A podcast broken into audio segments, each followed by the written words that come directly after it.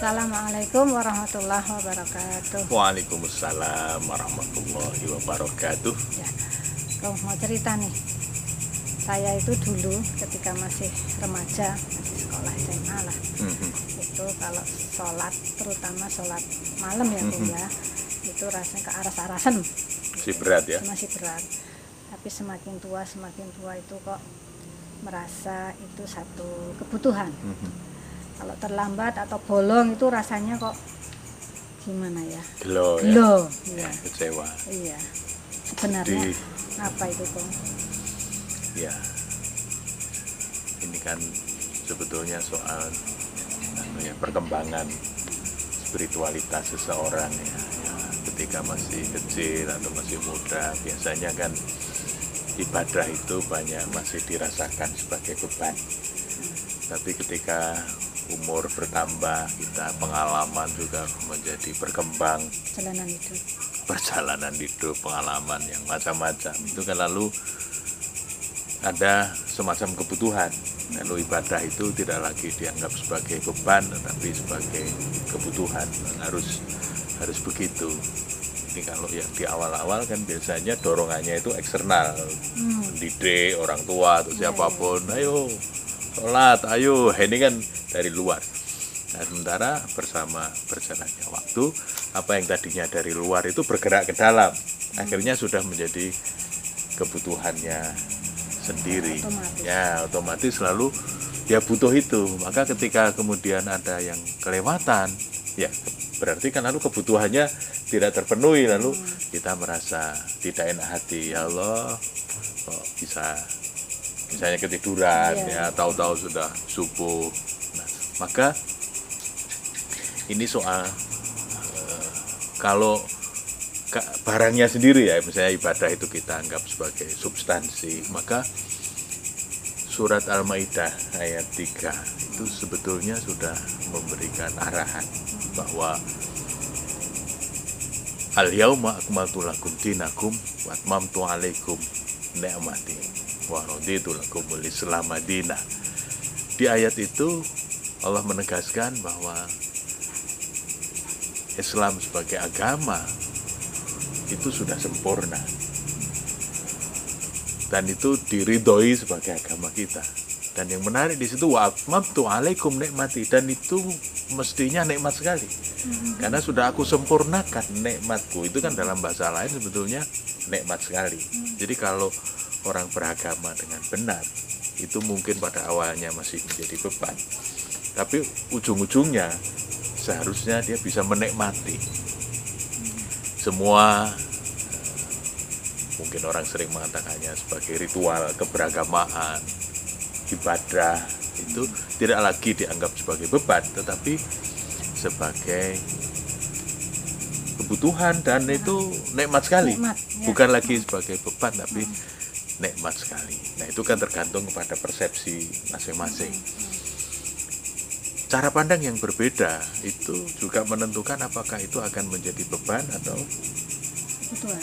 kebutuhan. Misalnya begini, bagi lifter, eh, angkat Angkat beban itu, kalau olahraga angkat beban itu angkat berat, itu kan bebannya berat sekali. Bagi yang tidak berniat untuk itu, suruh ngangkat itu ya main angkat beban. Tapi bagi atlet angkat beban, maka mengangkat beban itu menjadi kebutuhan dan dia menikmati sekali tiap hari dia mengangkat beban yang berat karena itu kecintaan dia pada olahraga. Ada teman-teman yang sekarang ini lagi musimnya bersepeda. Itu juga begitu. Ada yang bersepeda itu sampai sangat jauh, puluhan kilometer. Puluhan kilo. Tapi karena itu kebutuhan, karena itu sesuatu yang sudah dicintai, diniatkan dari dalam, ya dia melakukannya dengan happy dan senang sekali. Dan bahkan itu kalau kita lihat dalam berbagai komunitas itu sering kali ceritanya jauh-jauhan nah ini kan ya. Jaraknya. jaraknya atau tinggi-tinggian trekkingnya. Oh kemarin baru dari sana itu, oh, dia nggak berhenti luar biasa. Saya berhenti tiga kali, ya misalnya begitu. Itu bagian dari obrolan yang menyenangkan. Padahal itu kan berat sekali, Iya. berkeringat, panas, tinggi, tapi itu bisa dinikmati. Jadi sebetulnya maka ibadah itu akan kita rasakan sebagai beban atau nikmat ya tergantung niat kita Ya. cara pandang kita terhadap ibadah ya. Nah, sebenarnya ibadah itu apa? nah ini kita ini kan diciptakan untuk beribadah. Wa ma khalaqtul jinna wal insa illa liya'budun. Sebetulnya perintah Allah itu kita diciptakan ya jin dan manusia itu hanya untuk beribadah. Di situ ada ma ada illa. Kalau dalam bahasa Arab sering dikatakan ma dan ila semacam ini merupakan adatul hasr menjadi alat pembatas yang biasanya dalam bahasa kita diterjemahkan dengan hanya. Jadi kita ini diciptakan hanya, Hanya. untuk beribadah. Berarti semata-mata untuk beribadah. Berarti apa? Semua kehidupan kita itu seharusnya lihat butun untuk beribadah kepada Semua Allah. aspek kehidupan. semua aspek kehidupan. Itu surat Ad-Dariyat ayat 56 maka kalau kita lihat dalam definisi ibadah itu al ibadah itu ya taqarrubu ilallah bimtithali awamirihi wajtinabi nawahihi wal amali bima nabi syari jadi yang namanya ibadah itu sebetulnya adalah taqarrub ilallah. Mendekatkan diri kepada Allah menghamba kepada Allah. Dengan apa? Bimtithali awamirihi wajtinabi nawahihi dengan mengerjakan perintah-perintahnya dan meninggalkan larangan-larangannya wal amali bima adina bisyari dan melakukan perbuatan yang diizinkan oleh Allah. Jadi melakukan amal perbuatan yang diizinkan oleh Allah artinya tidak dilarang. Tapi kalau diniatkan untuk takarub ilallah itu juga ibadah. Ibadah. maka kemudian ibadah itu bisa dibedakan menjadi dua, amah dan khosoh. Nah, ibadah yang khosoh itu adalah ibadah yang khusus. Kenapa disebut khusus? Karena tata caranya itu sudah Aturannya ya. aturannya udah jelas. Bikaifiyatin mahsusoh. Udah tata caranya, kapan waktunya, bagaimana caranya, doanya apa, harus dilaksanakan di mana segala macam itu ada aturannya. Sholat misalnya ya, haji, zakat, bagiannya masing-masing itu sudah udah aturannya, tata Khusus caranya ya. sudah. Itu ibadah khusus. Maka kita tinggal ikut Hmm. itiba pada Iya.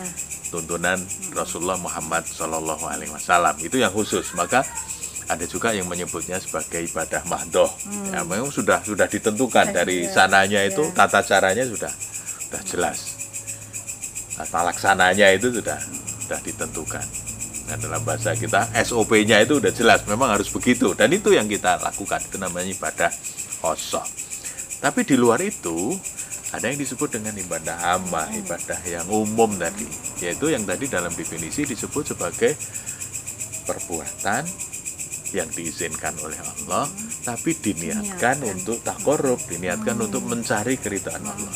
Nah, oleh karena itu, di samping ibadah yang khos tadi, yang mahdoh, yang harus kita lakukan dengan tata cara yang sudah tertentu itu, maka di luar itu, kita juga harus melakukan ibadah kepada Allah dengan cara bahwa semuanya itu kita niatkan lillah.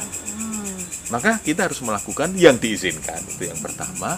Yang kedua, niatnya harus lillah. Ini semua kita lakukan karena Allah memerintahkan begitu. Misalnya, kita mulai kerja. Itu akan dianggap sebagai ibadah ya, ke kantor, ke pasar atau ke mana pun itu itu diizinkan kan karena memang diperintahkan kita harus bertanggung jawab kepada keluarga harus memberi nafkah maka kita harus bekerja tapi lillah niatnya memang untuk Iya. Karena Allah mencari keridhaan Allah. Allah perintah begitu kita lakukan yang terbaik karena tanggung jawab kita pada Keluarga.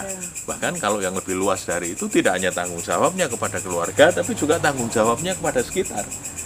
Maka sekitar yang memerlukan juga menjadi bagian dari perhatian kita kalau misalnya dalam pekerjaan kita itu sudah bisa terkumpul dalam jumlah yang lebih dari cukup mestinya yang dibagi itu tidak hanya untuk keluarga tetapi juga untuk masyarakat sekitar itu yang disebut dengan ibadah cara kita menikmati ibadah itu gimana tuh? Nah. Misalnya sholat malam Mhm. dan lain-lain. Ya, karena semuanya itu seharusnya kita niatkan untuk beribadah, Beribadah. baik itu yang khusus maupun yang umum.